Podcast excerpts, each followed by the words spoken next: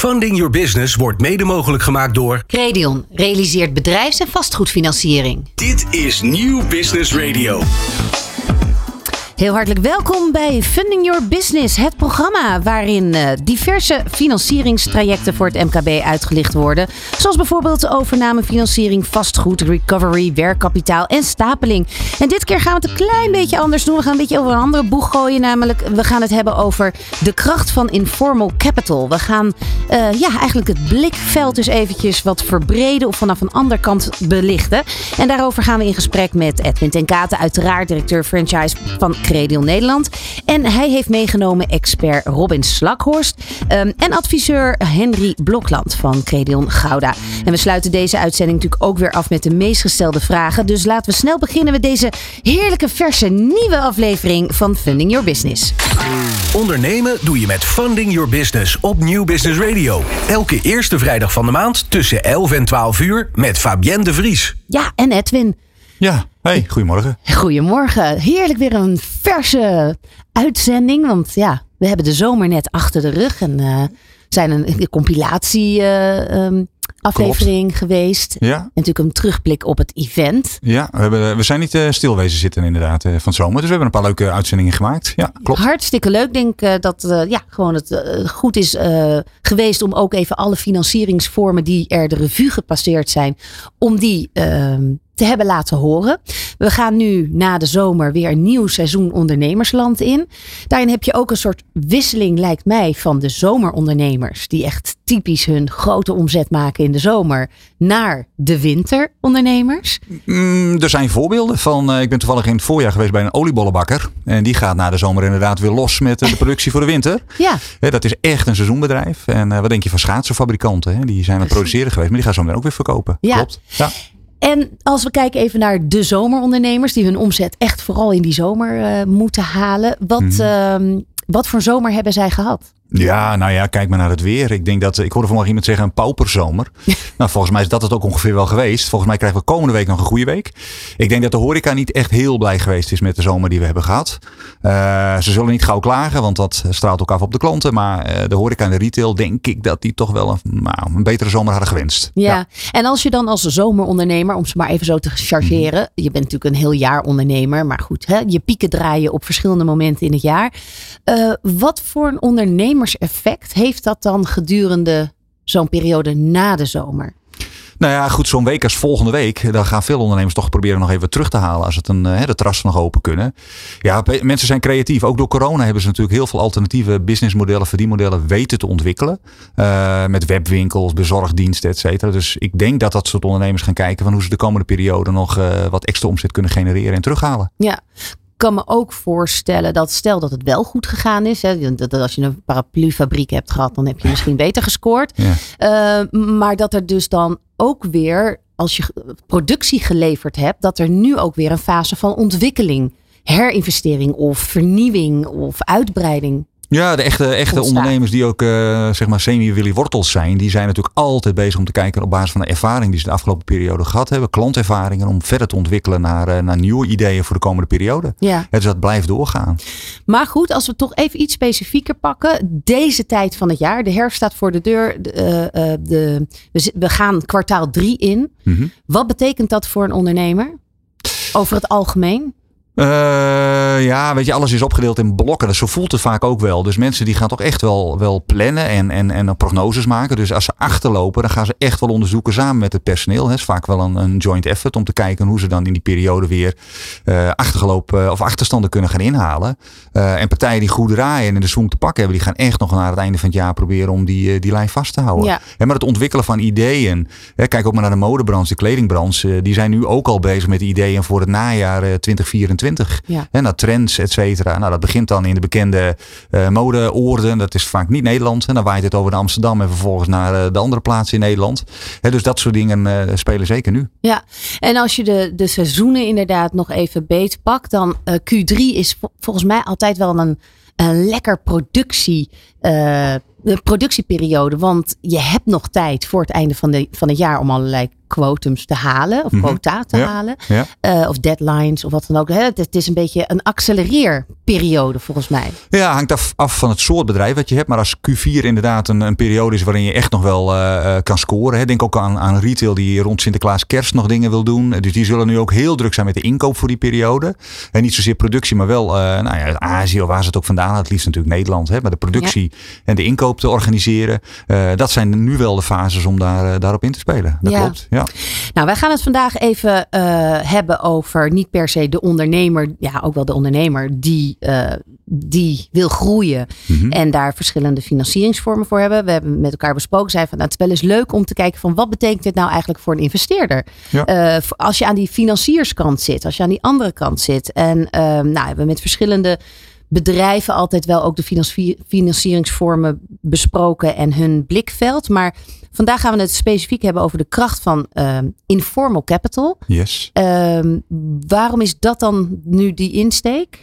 Nou, dat is vaak wat een ondergeschoven kindje zou ik eens willen zeggen. Hè? Dus je hebt de banken en de niet-banken. Nou, daar doen we heel veel zaken mee. Eh, maar je hebt ook de informals. Dat zijn ondernemers met diepe zakken. Of mensen die gewoon hoe dan ook geld hebben. En die dat graag in het midden- en kleinbedrijf willen investeren. Dat zijn mensen die ook onder de radar willen blijven. Hè? Die niet met naam en toename in de krant willen. eh, maar die wel een hele belangrijke motor vormen voor het, eh, nou ja, het financieren van het MKB. Ja, want waarom zouden ze dat niet willen? Ja, dus, eh, zou je willen weten, zou je willen laten weten dat je geld hebt? Volgens mij roept dat ook volk op je af die je niet, eh, die je niet zou willen ontmoeten. Ja, dus ik denk dat mensen dat ook gewoon anoniem willen doen. Ja, terwijl je juist als investeringsbedrijf dat wel wil, want je hebt daarin nou ja, de spelers nodig. Ja, nee, maar als jij dus een, een family office bent of je bent echt een, een, een, een bedrijf gericht op het investeren in, ja, dan ga je dat promoten. Maar dan sta je als privépersoon ook niet echt in de spotlights. En dan ben je gewoon een vehikel die dat, eh, dat faciliteert. Maar een privépersoon, peer-to-peer, dus één op één. Ik denk dat die er niet altijd op zit te wachten om aan te geven van joh, ik heb diepe zakken, eh, doe bij mij die deur ook maar open zonder sleutel. Nee.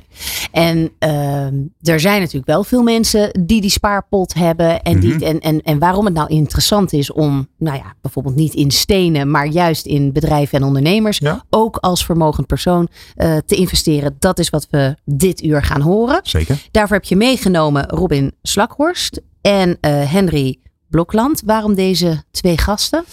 Nou, bovenal eh, krijgen we het uur daar prima mee vol. Maar ze zijn ook al, met name Robin is, eh, is expert op dit terrein. Als ondernemer zijn, maar ook als eh, informal investor, investor. Dus die kan ons daar zeker in meenemen wat, wat, wat- nou, ja, hoe hij daar naar kijkt. En Henry die maakt regelmatig in zijn praktijk als creditadviseur gebruik van eh, de diensten van een informal. Ik zou zeggen, blijf luisteren. Wordt een interessante uitzending.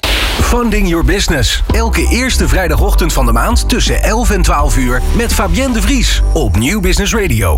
We gaan praten met Robin Slakhorst. Hartelijk welkom. Dankjewel. Jij eh, bent eh, entrepreneur en investor in finance en digital. Dat doe je eh, voor Symbit en Seed, Seedblink. Ja, ik heb ooit nou, vanuit de studie eigenlijk als ondernemer wilden wij heel veel bedrijfjes starten, maar we hadden geen geld. Dus daar moest een oplossing voor verzinnen. Toen Ja. hebben we ooit een, een van de eerste crowdfunding platformen opgezet. Dat is inmiddels bijna 12, 13 jaar geleden. En wat was toen de boodschap? Ja, de boodschap was toen eh, investeer in onze fantastische plannen. Eh, en, eh, en zoveel, hoe meer, hoe beter, zeg ja, maar. want dit- gaat heel snel, mensen. Even terug. De plannen waren. Jij kwam van waar? Van waar Wij vanuit- studeerden in, in Rotterdam aan Erasmus en wij studeerden ook nog ondernemerschap, entrepreneurship. En Ja. wij dachten van ja, er is nu zoveel Wij zijn, mogelijk on- op wij zijn ondernemers. Bij de ondernemer we hebben fantastische plannen en jullie eh, eh, kunnen met ons heel rijk worden heel snel. Dat eh, was eigenlijk onze. maar gedachte. aanvankelijk wilde je iets met luchtvaarttechniek. Ja, ooit wilde ik ja, astronaut worden. Ja, Maar op een gegeven, op een toen gegeven ben je moment toch wel ondernemer geworden. Ja, ja, nou ja, ja. je ziet het aan Elon Musk, kan allemaal Dus wie weet gecombineerd komt het worden. ooit nog eens samen. Maar nee, voorlopig maar wat ben ik... waren jullie plannen? Ja, het, het- we hadden dus een internetplatform toen der tijd eh, ontwikkeld. En dat, dat is nu een crowdfunding platform. Alleen toen wij daarmee begonnen bestond dat eigenlijk nog niet. Eh, althans niet als zodanig. 2011, hè, praten we Ja, dus dit was echt 2008 denk ik dat Oh ja. wij eh, nog op die studie zaten. We gingen een beetje knutselen. Nou, toen konden we toevallig een van de eerste, zo niet het eerste aandelen crowdfunding platform eh, eh, ter wereld lanceren in 2011. En eh, ja, daar konden dus ondernemers, al, zoals wij zelf, eh, hun, hun, hun ideeën laten zien en pitchen. En daar konden dan eh, eh, ja, mensen vanaf hele kleine bedragen op inschrijven. Ja, En ja, zo is eigenlijk ons ondernemersavontuur eh, begonnen. En konden wij ook dus, nou, we hebben in totaal denk ik ongeveer 300 bedrijven via, deze, via dit platform eh, helpen geld ophalen. Ja. En nou goed, en gaandeweg kon ik zelf ook iets meer naar de investeerderskant verschuiven, zeg maar. Dus mag ik ook nu zelf in bedrijven investeren. En dan, ja, dan zie je dus opeens waarom investeerders af en toe van die ingewikkelde vragen stellen als jij als je ze om geld vraagt. Ja, precies. Ja, jij komt dus wat dat betreft echt uit het veld. Um, want, en, en, en wat is jouw link met Credion? Nou, we hebben uh, nou, toen de tijd, toen we dat platform hadden, uh, nou, Credon is uh, altijd druk natuurlijk met het combineren van verschillende financieringsstructuren, mogelijkheden. Ja, en crowdfunding en ook onze, onze, onze vorm van crowdfunding was een onderdeel van het pakket, zeg maar. Ja. Dus we hebben veel met Credon altijd samengewerkt om te kijken, ja, kunnen we die vraagstukken van die ondernemers ook een stukje mee helpen vullen. Nou, uh, las ik ergens bij, jou, bij jullie op de site van Seedblink. Want heel even voor mijn beleving. Wat is het verschil tussen Simbit en Seedblink? Nou, Simbit heb ik ooit opgezet met een eh, aantal, uh, aantal mannen. En dat hebben we recent mogen verkopen aan, aan Seedblink. Dus uh, ja. En daar ben je dus ook in gestapt? Nee, dus daar, daar, ja, daar zijn we een stukje aandeelhouder gebleven. Maar formeel hebben zij ons gekocht. Oké. Okay. Dus het heeft nu een nieuwe eigenaar. Precies, ja. en dat heet Seedblink. En Seedblink is een investeringsplatform. Ja. Voor als je wil investeren in kleinere bedrijven, maar met name fintech. Hè? Ja, en dat is dan echt meer, uh, meer, meer de crowdfunding kant. Dus hm. daar kan je echt vanaf kleinere bedragen investeren. Dat is natuurlijk voor een veel grotere groep uh, toereikend. Maar uh, ja, de, de, en, en als je dan kijkt naar informal investing, dat is over het algemeen zijn dat tickets die ja, vanaf de 100.000 euro pas, uh, pas ja. gaan, gaan gelden. Ja, en die kleinere zeg maar. bedragen zijn rond de 5.000. Ja, rond de 2, 3, 4, 5.000 euro. Ja, ja. precies. Um, um, vanaf dag 1 hebben jullie ervoor gezorgd dat wat jullie doen impact heeft. Hoe merk je dat iets impact heeft? Ja, goed, wat is impact? Hè? Dat is natuurlijk een heel breed uh, vraagstuk. Maar uh, ja, voor ons was dat toen wij startten, wat ik zei, wij waren gewoon heel veel jonge mensen met een idee. Uh, ja, en hoe breng je een idee tot, tot, tot realisatie? Is dan is er toch vaak geld nodig. Dus we hebben in die zin altijd eigenlijk beredeneerd van ja, hoe kunnen we nou heel veel uh, bedrijven starten en daarmee hopelijk nou ja, de unicorns van morgen natuurlijk ook faciliteren. Uh, ja, dus we hebben in die zin uh, ja, altijd gezorgd dat ondernemers zeg maar, aan, van start konden in ons geval. Ja. En waar Credion dan ook natuurlijk ook met heel veel andere soortige financiering probeert om bedrijven gaande te houden, was voor ons over het algemeen echt de focus op het starten, starten. van het bedrijf. Dus echt ja. heel en is het dan dat ze het eerste jaar doorkomen of dat, er, uh, dat ze van start-up naar scale-up gaan? Waar, waar, zit bij jullie het, het, nou ja. Ja, dus dat is. Dat is het impactpunt. we noemen dat seed, pre-seed. Dus bedrijven die eigenlijk net wel het liefst een product hebben. Uh, en, en, en net het geld nodig hebben om zeg maar dan echt de markt op te gaan. Ja. Uh, ja, dat, dat hoop je dat je dat perfect kan timen, maar dat is natuurlijk altijd moeilijker. In de modelletjes staat het altijd perfect uh, met mooie grenzen aangeduid, het... maar in de, in de realiteit is het best wel moeilijk om te schatten wanneer iets nou net ja. staat, op het punt staat te groeien, of dat het misschien toch nog twee jaar aan, aan, aan, aan knutselen nodig heeft voordat ze daartoe komen. Ja. ja, en daar zit natuurlijk ook het risico vaak voor investeerders. Van als je dan investeert, ja, om dat moment te timen, ja, dat is gewoon super moeilijk. En dan zie je dus iemand die bijvoorbeeld la een informal investor, om dan meteen uh, de sprong te maken, veel ervaring heeft in een bepaalde industrie. Ja, die kan dat vele malen beter inschatten of dit het juiste moment is dat je die euro die er nu in, nu in stopt, misschien dadelijk 10 euro waard kan zijn. Uh, uh, ten opzichte van iemand die gewoon daar geen verstand van heeft en gewoon random een, wat geld ja. ergens instopt. Zeg. Maar goed, jij komt uit het veld. Je bent inmiddels een aantal jaar uh, onderweg. Hè? Vanaf 2008 uh, je studie ja, ja, en alles daarna. Uh, ik weet ook dat bij ondernemers en investeerders en geldverschaffers dat er ook een soort onderbuikgevoel is. Er, is een soort, hè, er zijn heel veel kriebels binnen het ondernemersvak. Op verschillende momenten. Um, als ik daarin bij jou persoonlijk dan even vraag. Jij hebt al die ervaring. Wanneer is dan bij jou dat moment... Uh, dat het kriebelt? Wat zijn de kriebelmomenten? Goeie vraag. Nou ja, laten we zeggen dat er ook extreem veel geld wordt verloren natuurlijk op investeren. Dus dat onderbuikgevoel dat is fantastisch, maar heel vaak ook een hele, nou, vaak een slechte raadgever. Omdat je dat toch vaak krijgt bij dingen die er heel gaaf uitzien. Of die een ondernemer hebben die je natuurlijk een vlammend verhaal kan houden. Waarvan je denkt van nou dat... Als, die dit kan, als hij dit aan mij kan verkopen, kan die de rest ook aan de wereld verkopen. En ja. nou goed, dat is tot op zekere hoogte misschien ook wel zo. Maar vaak moet je toch kijken, uh, als investeerder moet je daar dan best wel huiverig op zijn. Want de vraag of iets een gaaf bedrijf is of een gaaf product, betekent nog niet dat hij jou een goede deal aanbiedt. Zeg maar. nee. en, en, en dat is eigenlijk waar je als investeerder continu voor moet waken. Van oké, okay, het bedrijf is heel gaaf, maar als ik dat veel te duur nu koop, dan kan ik er nog steeds geen geld mee verdienen. Want de kans dat die nog keer drie gaat, is heel klein. Ja. Terwijl als het misschien een, heel, een oké okay product is met een heel goed team, wat nog een beetje werk nodig heeft, kan je misschien heel goedkoop instappen. En met wat beetje bijschaven kan je die wel op veel kortere termijn Ja, keer en vijf jij krijgen. hebt daar een soort internal checklist voor. Ja, wel Ja. een stukje. Ja. En dan kijk Noem je eens toch. twee punten van die internal checklist. Nou ja, kijk naar een aantal zaken, maar ja, heel cliché. Maar team kijk je natuurlijk altijd naar. Je kijkt hoe groot is de, is de markt. Idealiter, de- als je gaat kijken van waar wordt nou vaak rendement gehaald als, als voor investeerders. En dat is best wel moeilijk om dat goed in te schatten. Maar er zijn toch is, is in industrieën die in zijn geheel eh, ook hard aan het groeien zijn. En dat is niet altijd zo, maar dus dat is wel een goede raadgever. markt. Dus je moet zit kijken, de markt erop te wachten? ja, en is dan dit team en met dit product, is dit dan het team met dat product die Ja. in die groeiende markt een positie gaat weten te verkrijgen? En daar, nou goed, dan kijk je een beetje wie er zijn erbij betrokken. Nou ja, nogmaals team, maar ook een beetje de, de- misschien wel de investeerders die er al bij zitten. Eh, Ja. Hebben ze het al eerder gedaan? Nou, de- track record. eh, ja, hoeveel geld hebben ze nodig om, om daar te komen? Eh, ben ik dan de juiste investeerder voor? Dus er zijn een aantal factoren ehm, ja, om te bepalen. En nou is, nou ben jij ook een, een, ehm, ehm, een master in digital eh, transition. Hè? Dus de digitale transitie binnen bedrijven. eh, waar, waar jij vanuit ook de fintech eh, hoek waarin je zit mee bezig hebt gehouden. Is dan voor dit soort trajecten of dit soort inschattingen AI een, een, een goede tool?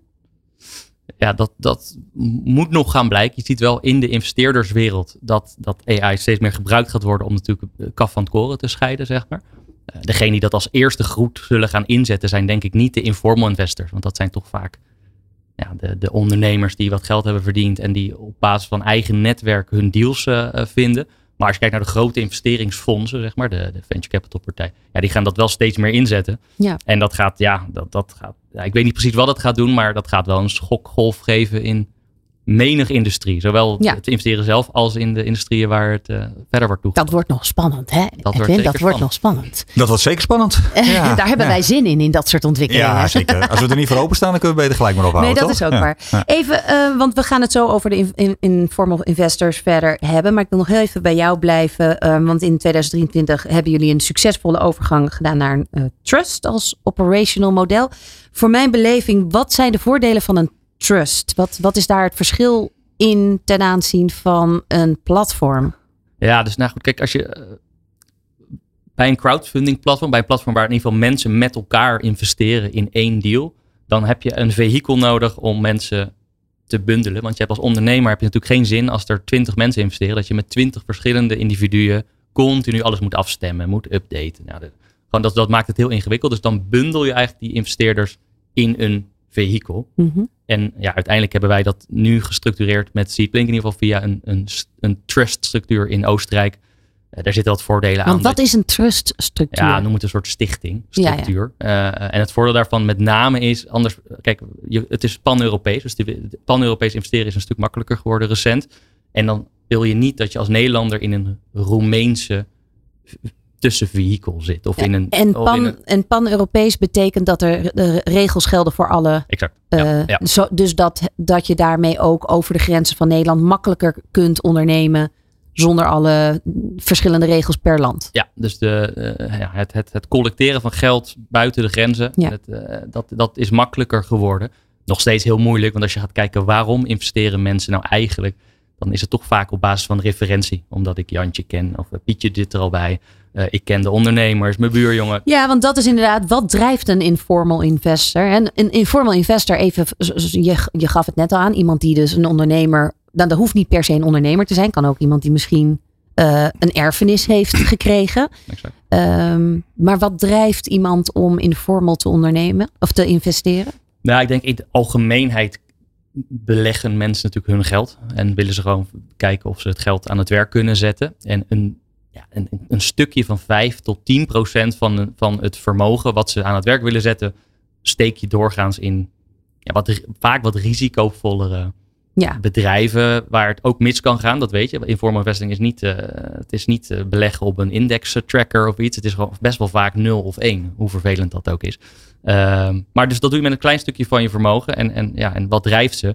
Eh, ehm, vaak toch, als je kijkt naar informal investors, wat ze eh, het leuk vinden om ergens bij betrokken te zijn. Ja, dus een mijn nichtje is net een leuk nieuw eigen bedrijf gestart. Ik geloof daar wel in, dus eh, die geef ik een injectie. Ja, dus nou goed, wat, wat ik net aangaf van, natuurlijk iets moet een goede deal zijn, gaaf. Maar ja, wat, wat ik toch nog vaker zie is inderdaad dat iemand meedoet omdat er iemand al bij zit die ze goed kennen. Of die Mm. ze, en, en ze doen het vaak met, met geld wat ze ook kunnen missen. Hè? Dus het is ook de, de, de lol-component. Dus het moet ook gewoon een gaaf iets zijn waar ze bij betrokken willen zijn. En niet elke investeerder, informal investor is natuurlijk eh, gelijk in die zin. De een pakt het professionele aan dan de ander. Maar een hele grote groep die niet honderden miljoenen ergens klaar heeft staan, die doen het toch vaak omdat ze Ja. ja. een, een band hebben met de, met de persoon. Of, eh, Of gehoord hebben van nou, mijn beste vriend heeft daarin geïnvesteerd. Is nogal Exact, lucratief geweest exact. zo eh, elk jaar eh, met de dividend. En eh, Ja.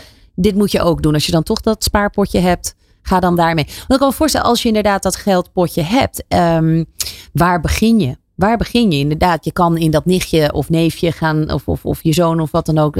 Terwijl je misschien nog helemaal niet weet waar, wat daaruit komt of waar je op moet letten.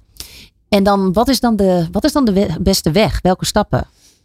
Ja, er zijn natuurlijk in die zin altijd meerdere wegen die naar Rome eh, leiden. Eh, nou ja, goed, je zou eens met, met een nou, eh, lokale adviseur eens kunnen praten van... hey, als je een gaaf project hebt wat een beetje voldoet aan, aan, aan criteria 1, 2, 3... eh, eh, ja, bel me dan eens, zeg maar. Dat is een manier. En dan heb je ook al een stukje sanity check natuurlijk van iemand die enigszins verstand heeft van financiering. Ehm, nou, dat optie 1, optie 2 is, nou, dat zie je natuurlijk ook steeds meer dat mensen toch via die platformen in aanraking komen met, eh, met, met, met, met ondernemers op zoek naar geld. Ehm, ja, en een, een belangrijk onderdeel, denk ik, bij informeel investeren, als je wat serieuzer geld aan het werk wil zetten, is ja, doe, doe ook vooral kijken of je ergens misschien een opleidingje kan doen of een cursus. En die heb je hier en daar, eh, zijn die beschikbaar over, over Waar investing. Van, waar- ja, want Ja. het is best wel makkelijk om je geld te verliezen. Ja. En, eh, Het is makkelijker om het te verliezen dan om het eh, te verdienen. ja, dat is zeker waar. En, en, en ja, je ziet het vaak gebeuren. Hè? Ondernemers die hebben hun bedrijf verkocht, die cashen wat en die gaan als een, eh, als een dolle. Ja. Stoppen ze een tonnetje hier, tonnetje daar, tonnetje, tonnetje zus, tonnetje zo. En dan na twee jaar Is het verdampt? nou ja, is, is, is er soms niet heel veel meer van over. En dan hebben ze toch best wel wat dingen eh, Ja. de- gewoon eh, afgesneden, zeg maar. Hadden ze, als ze daar iets beter over hadden nagedacht en iets meer zich hadden verdiept, hadden ze sommige fouten denk ik kunnen voorkomen. Want eh, verhouding risico-rendement, wat is daar in jouw advies? Ja, dat, dat, dat is per deal natuurlijk afhankelijk. En ook, ook afhankelijk A, van hoeveel geld je hebt en, en welk deel van je portefeuille je zeg maar investeert. Kijk, je kan natuurlijk als informal investor kan jij meedoen in een vastgoedproject waar het risico wellicht best wel laag is. En daar kan je misschien wat meer geld aan het werk zetten. Maar als jij meegaat in een eh, TU Delft start-up met een nieuwe technologie, ja, dan, dan zou ik altijd adviseren, ja, kijk, eh, kijk altijd of je dat ook gedeeld kan doen. Dus met, met, met een aantal mensen. Dat je, eh, dat je daarmee wat risico dempt. En dat je zegt, En ook eh, met elkaar meer kennis hebt. meer kennis hebt. Dus dan ben je in ieder geval niet de enige nou ja, idioot zeg maar, die ergens instapt. Want de rest Ja. zegt allemaal, ben je, ben je gek geworden. En dat je, en dat is een les die je in de venture capital wereld is dat al veel eh, meer praktijk. Is dat je zegt, oké, hier zou ik misschien totaal max 300.000 euro in willen steken in dit bedrijf. Maar doe dan niet 300.000 euro in één keer. Maar zeg, nou oké, we beginnen misschien al dan niet in een, met, met anderen. Van, we beginnen eerst met 100.000 euro. En pas als het echt goed gaat, dan Ga doen we de overige twee ton erbij. En dan dat doe je misschien in een aantal gevallen. En dan kan het ook zo zijn dat je zegt, nou, bij, bij investering 2 en 6 gaan we wel die vervolginvestering doen. En bij die andere nemen we ons verlies en zien we wel wat er gebeurt. En Ja. zijn we het of kwijt of nou. Dus eigenlijk gewoon wat, wat zoals het vroeger, hè, in de jaren tachtig dan zeg maar, ging. Dat je dan toch naar de bank ging. En dat je je aan, dat je zei ik wil wat, ik wil wat beleggen. En dat je dus iets bij Shell en een beetje bij KPN en KLM. En toch, toch spreiden. Ja, uiteindelijk wel. En eh, ze zeggen ook van ja, volgens mij moet je in, in totaal een portfolio van minder dan 40 wordt het al bijna gewoon puur gokken. Dus vanaf een portfolio van ongeveer 40 bedrijven begint het iets meer echt als een beleggingsproduct, zeg maar, zich te gedragen. Ja. Eh, maar, maar ja, want het is best wel moeilijk. En dan heb ik het vooral over die jonge bedrijven met een technologie. Dus meer die technologie, die kunnen ook wel keer 10 of keer 20 gaan. Eh, ja, ja, En als je het, de, de financieringsvorm, informal eh, capital, als je dat naast alle andere financieringsvormen zet, hoe zie jij de inzet daarvan voor dit moment, maar ook voor de komende tijd? Nou ja, goed, het is extreem eh, conjunctuur gedreven ook. En eh, ja, dat, dat is op zich ook heel voor de hand liggend. Ja, hoe, meer, hoe meer geld je verdient met het een, hoe makkelijker je kan investeren in het ander. Eh, kijk, de echte angels, de grotere partij, kijk, die doen het liefst investeren ook vanuit geld wat ze gewoon eigenlijk als rendement maken op hun pot geld. Dat geld wat ze daarmee verdienen, Ja. kunnen ze natuurlijk, ja, eh, dat hebben ze toch, hebben ze ook nooit een dag voor hoeven werken. Dus dat kunnen ze best wel makkelijk weer investeren in nieuwe zaken. Ja, als de rendementen op vermogen omlaag gaan, zoals we nu zien, ja, blijft er, komt er gewoon simpelweg minder geld binnen om, eh, om in, eh, in nieuwe dingen te steken. Ja, dus als je gaat Dus kijken. die terughoudendheid die zal blijven. Ja, dus als je gewoon dan naar de cijfers kijkt, los van de exacte getallen, maar je ziet wel een afnemende trend in de hoeveelheid eh, informal investing en angel investing die wordt gedaan. Wat is angel investing? Ja, is eigenlijk hetzelfde. Andere term voor informal investing. En dan zie je dus dat eigenlijk ja, na de eerste golf in corona, waar natuurlijk enorm veel geld de markt werd ingeschopt, zeg maar, zie je Ja. dat dat nu wel aan het afnemen is. Dat, dat daardoor ook een, wel een gat ontstaat in de. ehm, Ja, want, want inderdaad, dat was toen ook nodig. Hè? Ik bedoel, eh, iedereen stond, eh, althans veel bedrijven stonden stil, hadden die injectie nodig. Paniek. eh, we moeten met z'n allen, met z'n allen het land redden. gevoel. Ehm, wat heeft dat met de hele mindset gedaan voor de, voor de informal investors? Ja, kijk, we komen natuurlijk uit een tijd van gratis geld. En eh, een, een belangrijk deel van, van vermogen zit natuurlijk veel belegd in vastgoed bijvoorbeeld. En dan nou, vastgoed, gratis geld. Nou, kan je veel leverage, kan je relatief goedkoop portefeuilles opbouwen. En daarmee heel veel geld verdienen. En dat dan weer in nieuwe dingen steken. Zoals we net ook ehm, eh, ja, aankaarten, zeg maar. Ja, dat, dat wordt nu minder. Ook met, met belastingregels op vastgoed. Ja, niet dat alles samenhangt met vastgoed. Maar je ziet toch dat daar wat klappen vallen. Dus een deel van de portefeuille staat nu gewoon onder druk. En Ja. dat is niet, heeft niks te maken met angel investing of informal investing in de techbedrijven. Het heeft gewoon met het grootste deel van de portefeuilles. Die hebben nu wat meer Ja, eh, moeite om rendement te maken. Ja, dus dan houdt- blijft er minder rente. over om in dat hele hoog risicodomein eh te steken. En dat, daar hebben de denk ik jonge techbedrijven dus het meest last van. Eh, nou, als je nog steeds een goed vastgoedproject bijvoorbeeld, kan je denk ik nog steeds echt wel de handen voor op elkaar krijgen. Ook bij mensen gewoon met geld, als de zekerheden goed zijn, et cetera. Maar ja, dat is toch een iets ander domein dan... ja. eh, stenen blijven wat dat betreft een, eh, een veilig, een veilig eh, investering en rendement. Je noemde het net al, hè, als je wil starten met investeren of als je ja, gewoon je eigen spaarpot hebt wat je wil laten groeien, ehm, is het ook verstandig om met een adviseur te gaan praten. Nou, we, we hebben er een hier in de, in de zaal. Henry, we gaan zo verder met jou praten. Luister naar Funding Your Business op Nieuw Business Radio. Met het laatste nieuws en de meest inspirerende items voor heel ondernemend Nederland. Ja, en eh, zo hebben we het vandaag over de kracht van informal capital. Ehm, met ook adviseur eh, van Credion Gouda en Woerden, Henry Blokland. Welkom. Ja, dankjewel. Goedemorgen. Fijn dat je er bent. Eh, ja, dat, eh, dat, dat deel van Nederland, Woerden en, en, en Gouda, daar ben jij actief als Credion adviseur. Ehm, als je jouw rayon zou moeten omschrijven qua ondernemers. Dat is heel divers. Ehm, maar het is vooral ook wel maakindustrie. Maar ook veel, eh, toch ook veel vastgoed gerelateerd. Bouwbedrijven, eh, projectontwikkeling. Ehm, maar goed, ik heb ook horeca klanten. Dus het is eigenlijk heel, heel gemixt. En dat, dat maakt het ook heel leuk. Ja, ja dat, dat, dat snap ik. Ehm, je zit toch ook wel veel bij het platteland? Zeker, zeker. Ik woon zelf in het, eh, in het prachtige, mooie Krimpende Waard. En eh, ja, eigenlijk midden tussen de klanten. Maar eh, En wat is- voor, een- wat voor een ehm, type ondernemer brengt dat met zich mee, even los van de branches waar ze in zitten? nou, wij zijn wel meer van eh, niet lullen maar poetsen. Ja, hè? Dus dat. Dat is een beetje de Rotterdamse mentaliteit. Maar dat zie ik ook wel terug in, de, in, in Woerden hoor. Dat, dat scheelt niet heel veel. Ehm, dus ja, gewoon doe maar, doe maar gewoon en, eh, En hard werken. en hard werken. Precies. We- Hoe, hoe zou jij deze tijd op dit moment inschatten? We hebben hè, corona gehad, het terugbetalen is begonnen. eh, nou, weer een slechte zomer achter de rug. Zitten we alweer in een nor- normaal vaarwater? Als jij kijkt naar hoe de bedrijven zich eh, bewegen? Ja, eigenlijk de klanten die ik eh, spreek, zeg maar. En ik, ik heb 32 jaar bij de Rabobank gewerkt. Dus daar heb ik een heel groot netwerk aan overgehouden, zeg maar. En eh, ja, die zijn allemaal goed door die coronacrisis wel heen gekomen. En die hebben ook helemaal geen last van, van eh, problemen met fiscus of wat dan ook. Die Dus- hadden goede dus die- buffers. Die, hadden goede buffers en die, die groeien gewoon lekker door. Ja. En ik heb hier en daar natuurlijk wel eens een ondernemer die om hulp vraagt eh, bij betalingsregelingen. en die, eh, die kunnen we dan vaak ook helpen. Ehm, als je kijkt naar, een van de voordelen van eh, wat, Credion doet, is het stapelen. Dus de, de verschillende, de cocktail noem ik het altijd maar, verschillende vormen van financiering bij elkaar brengen. Wanneer zet jij informal investing in? Nou, eigenlijk alleen maar als het bij een bank niet lukt. En dat kan ik natuurlijk heel goed wel inschatten.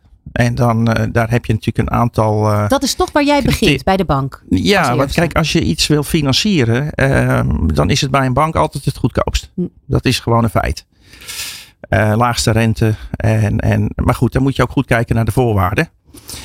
Maar ik heb toch de afgelopen jaren ook wel behoorlijk wat eh, gedaan met informals. En dan moet je met name ook kijken bijvoorbeeld naar een startende ondernemer. Een, een jonge dame die, die uit een ondernemersfamilie eh, kwam, maar en een eigen kledingwinkel wilde beginnen.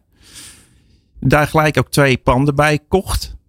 Nou, dat kun je bij de bank wel vergeten. Dus ehm, ja, ik heb die plannen toen eens doorgenomen. En ik kende haar toevallig vanuit haar achtergrond. En, en toen ben ik daar gewoon eh, met, naar een informal mee gegaan. Die ik ken vanuit mijn netwerk. En, en nou ja, die, die hebben wel iets met kleding. Dus toen had ik zoiets van, nou, dit zou mooi kunnen passen. En dat is, eh, dat is ook gelukt. Ja. En dan krijgt zo'n informal gewoon een hypothecair onderpand op dat vastgoed. Een van die pandjes was al verhuurd. Eh, dus daar zat dan een steady eh, inkomstenstroom eh, kwam daaruit. Ja, en dan is het snel geregeld. Ja, dan is het snel Dan kun je snel schakelen. Maar je zegt net, de laagste rente krijg je via de bank. Hoe zorg je dan toch dat die rente eh, niet te hoog wordt als je met een informal investor aan, Mhm. aan het werk gaat of de deal wil maken? Ja, dat stem je natuurlijk van tevoren wel, wel af. Kijk, je hebt ook referenties, hè? bijvoorbeeld part- partijen zoals mogelijk. En zo zijn er nog een aantal, hè? die koppelen ook natuurlijk eh, mensen één op één aan, aan een, een, iemand die geld zoekt. En daar kijk ik altijd wel een beetje wat zij aan rentetarieven eh, hanteren. En ja, daar, daar blijf ik dan meestal wel bij in de buurt. Ja, je Maar moet dus af en toe ook wel streng zijn naar zo'n informal investor. Die zegt, ja leuk, Ja. ik wil wel investeren, maar ik wil 10% rente. Nou, nou die zegt, ja. nou, Nou, ik heb er laatst nu werken. eentje. Die zit toevallig volgende week bij de notaris. En dat, dat is een bedrijf. En die, die stond bijna op omvallen.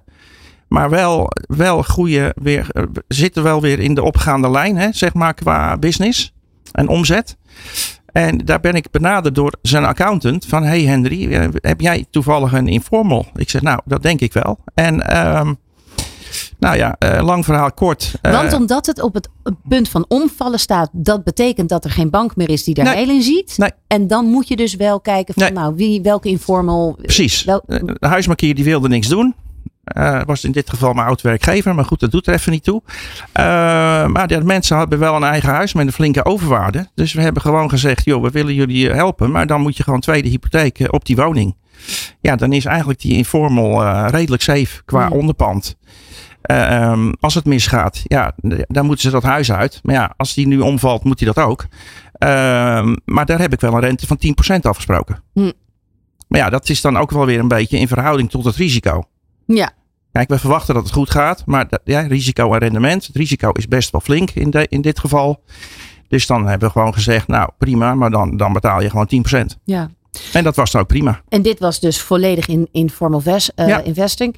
Ehm, past, het ook in, past het ook binnen een stapeling? Deze vorm van financiering? Nou ja, wat je hier ziet is natuurlijk dat eh, als je dit wil combineren met een bank, dan heb je een probleem. Want die, die zitten al op die zekerheden. Qua voorwaarden. En dat, ga, ja, en dat gaan ze natuurlijk niet graag delen met een wildvreemde die er ook nog wat geld in stopt. Dus eigenlijk alles dus met wat... de bank is het geen lekkere match. Nou ja, dus dat hangt een beetje van de casus af. Maar eigenlijk alle, alle deals die ik tot nu toe heb gedaan met informals, dan nemen we vaak de bank juist uit, Mhm. omdat ze niks willen doen. En dan heb je meer ruimte natuurlijk qua dekkingsplaatje, je, je- zekerheden, om het wel helemaal met die informal in te vullen. De stapelen, ja, dat komt bij mij niet veel voor, omdat het, je zit dan toch een beetje in Ja, elkaar vaarwater. En je hebt te maken met waar de investering voor is. Hè? De een heeft voor werkkapitaal voor vastgoed of wat dan ook nodig. Ja. Want waar leent zich dan eh, informal eh, investing of capital, waar leent zich het het beste voor? Van welk gedeelte van de financiering? Nou, ja, wat ik zie is toch wel dat ik behoorlijk veel doe in vooral vastgoed. Een klein voorbeeldje, klant die... Want dat is de grootste zekerheid. Nou ja, voor dan heb je natuurlijk stenen, en dat is natuurlijk toch de, de beste zekerheid. En als daar een goed huurcontract op zit, een klein voorbeeldje was afgelopen jaar, die beste man die, die, die zat heel zijn leven bij eh, ABN AMRO in dit geval, met zijn bedrijf. Nou, had vastgoed, verhuurde die aan zijn eigen BV. Die BV heeft hij vijf jaar geleden verkocht. Dus dan wordt het al commercieel vastgoed, hè, want hij heeft een pand wat hij verhuurt aan, aan, aan de koper van zijn bedrijf. Dat vinden banken al spannend. Nou, en die bank zegt gewoon na vijf jaar, toen zijn rente afliep, wij gaan niet verlengen. Hm. Nou, ik vind dat soms onbegrijpelijk. Maar goed, ik kende die beste man uit mijn netwerk. Gewoon een ondernemersborrel. Raakte ik een keer mee aan de praat. Dus die heb ik eens een keer gebeld. En die, nou uiteindelijk heb ik dat dus gewoon hergefinancierd bij, bij een van mijn informals. Ehm, dus ja, dan los je de bank af. En we hebben nog wat extra financiering zelfs verstrekt. En met, met wat soepele aflossingsvoorwaarden. Dus ja, die klant die komt eigenlijk wel met iets meer rente uh, hoger te zitten. Ja, maar wel maar met qua totale cashflow, eh, cashflow out, of hoe noem je dat? Cash out, uh, lager. Ja. Dus ja. die was erg blij. Je hebt wel een goed netwerk nodig dus. Zeker, zeker. Dat is, dat is heel belangrijk. Hoe doe je dat los van de borrels? Want ik hoor wel hier en daar een borrel voorbij komen. Maar... Precies. Ja, dat is ook belangrijk. Uh, nou ja, kijk, toen ik met Credion begon, dat is inmiddels alweer vijf jaar geleden, uh, ruim. Uh, toen ben ik eigenlijk zo'n beetje wel heel veel uh, klanten afgegaan. En ook ehm, accountants, administratiekantoren notariskantoren gewoon eens even zeggen van joh, hallo, uh, hier ben ik. Uh, nou ja, we kennen elkaar al hè, vanuit mijn Rabotijd. En uh, gewoon even uitgelegd wat ik doe. Maar ook wat ik vooral ook wat ik niet doe. En, en wat doe je niet? Noemen ze het belangrijk? Nou, zaken op het gebied van accountancy en fiscaal. Dat, ik heb er wel een beetje verstand van. En ik kan ook goed balansen lezen en zo. Maar, maar ja, dat, je, je moet natuurlijk oppassen dat je niet te veel petten opzet. En dan, dus ik zeg joh, ik ben goed in financieren en financieringsconstructies. Maar op het gebied van accountancy en fiscaliteiten, want daar verandert ook iedere keer van alles. Daar moet je niet bij mij zijn. Dan heb ik wel weer in mijn netwerk mensen waar ik naartoe door kan verwijzen, hè, als ze die zelf niet hebben. Um, dus, dus ja, dan, dan baken je een beetje je terrein af. En uh, ja, op die manier ben ik toen bij dat soort bedrijven en klanten en, en uit mijn netwerk al langs geweest. En ja, daar kwam op een gegeven moment, ja, komt daar gewoon business uit. Vind jij het op het moment een, een lekker landschap voor informal investors om, uh, om, om, om met hun kapitaal aan de slag te gaan? Ja, zeker. Ik bedoel, als je kijkt wat je op de bank voor op je centen krijgt, anderhalf procent uh, mag je blij zijn. Uh, vorig jaar was het nog beroerder, was het een half procent negatief. Dus ja, dat werd, werd niemand blij. En, um, Want maken ze een, een, een vergelijk dan met als je nu want die 10% die jij net afsprak ja. is natuurlijk een beetje een extreem uh, geval. Nee, maar zit, ik zit meestal rond de 7, 8% rente, zeg maar. Ja. Um, en dan hangt er ook een beetje vanaf. Ik ben nu weer met een traject bezig. Dat is een fors verschil met de bank. Ja, nou, maar die banken, die, die rentes zijn ook wel flink gestegen het laatste uh, anderhalf jaar. Bij een bank zit je nu ook zomaar op 5, 5,5, 6 procent. Hangt een beetje van, van, van, van de cijfers af en, en de dekking en noem maar op. En als je dan bij een informal 7, 7,5 betaalt, dat, het, het is eigenlijk een beetje naar elkaar toegegroeid. Eigenlijk die, die rentepercentages. Maar bij informals kun je vaak veel soepelere voorwaarden afspreken. Ja, dit is nog heel erg vanuit de ondernemer natuurlijk ja. uh, bedacht. Precies. Voor de financiën, als je eens op de stoel van die investor gaat zitten. Mhm. Mm uh, hoe, waar, ja, waar moeten zij op letten? Wat is jouw advies? Want die, die rentes zijn dus enigszins naar elkaar toegegroeid. Mm Dus je kunt daar ook niet te hoog in gaan zitten.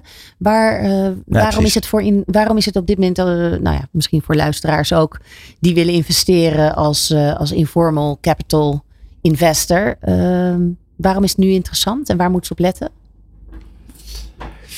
Ja, kijk. Jij mag ook invallen ja, hoor, Robin. Precies. Als je... Nou ja, kijk, het is natuurlijk zo dat je, wat ik ook altijd belangrijk vind, als ik een ondernemer heb die geld nodig heeft. En ik denk dan aan een informal, dat ik ook even een kennismaking regel. He, elkaar even in de ogen kijken, want er moet gewoon een klik zijn. En ik, ik maak voor mezelf altijd de afweging van zou ik hier nou mijn eigen geld in stoppen? Mm. Maar dat deed ik bij de Rabobank ook al. Hè? Mm. En als dat antwoord nee is, ja, dan begin ik al helemaal niet aan zo'n klus. Zeg maar. Dan heb jij het toch over het onderbuikgevoel. Dat, ja, maar die is best belangrijk. Uh, en ja, en voor de rest is het inderdaad, hè, je, er moet die klik moet er zijn. Die ondernemer, die, moet dat, die investeerder moet dat ook leuk vinden om ergens uh, in, in te investeren. Maar ik kijk ook vaak naar het type investeerder of die past bij die informal. Ja, ja dat qua is dus karakter, echt... qua achtergrond. Uh, want dat, dat moet ook gewoon met ja. je. Dus dat is heel erg ook uh, mens-mensenwerk. Bij jullie op het platform is dat wat afstandelijker. Of begrijp ik dat verkeerd? Is dat, blijft dat ook wel? Of, of ontmoeten de investeerders ook uh, de mensen?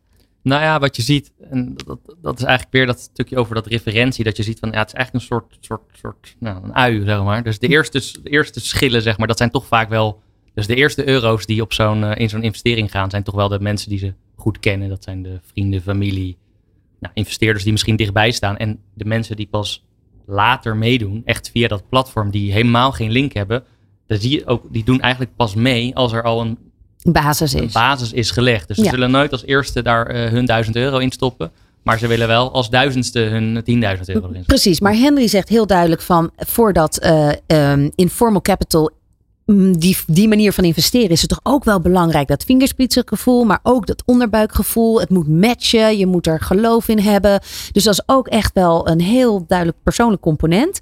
Uh, jij zegt van even los van die friends, family en uh, waar Edwin het altijd over, Voels het over heeft. daar even, hè, we hebben het juist over die mensen die um, daar buiten vallen. Hoe creëren jullie dan dat gevoel? Zijn jullie degene die daartussen zitten? Of hoe maak je die match dan? Ja, die is denk ik per definitie lastig om echt te forceren als derde partij. Dus je moet het, het, het, het dan komt het team dus naar boven drijven. Of jij een goed team hebt of een goede ondernemer Even, kijk, bij ons zijn natuurlijk iets Er moet meer... iemand zeggen die zegt, die is allemaal leuk. Iemand moet in jou geloven, zeg ja, maar. En maar dat kunnen wij, wij kunnen dat wel sugarcoaten, uiteraard. Dus uh, weet je, even je haartjes goed voor de foto, et cetera. Maar uiteindelijk, voordat mensen echt serieus geld gaan stoppen, zeker die eerste. En als je echt puur even het platform wegdenkt, gewoon mensen die we inderdaad, die, die we gewoon bij elkaar brengen.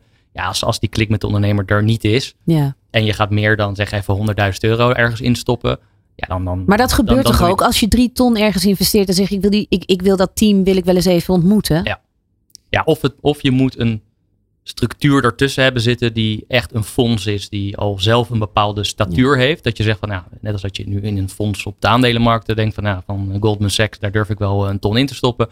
Ja, dan, dan moet er zo'n soort mechanisme tussen zitten.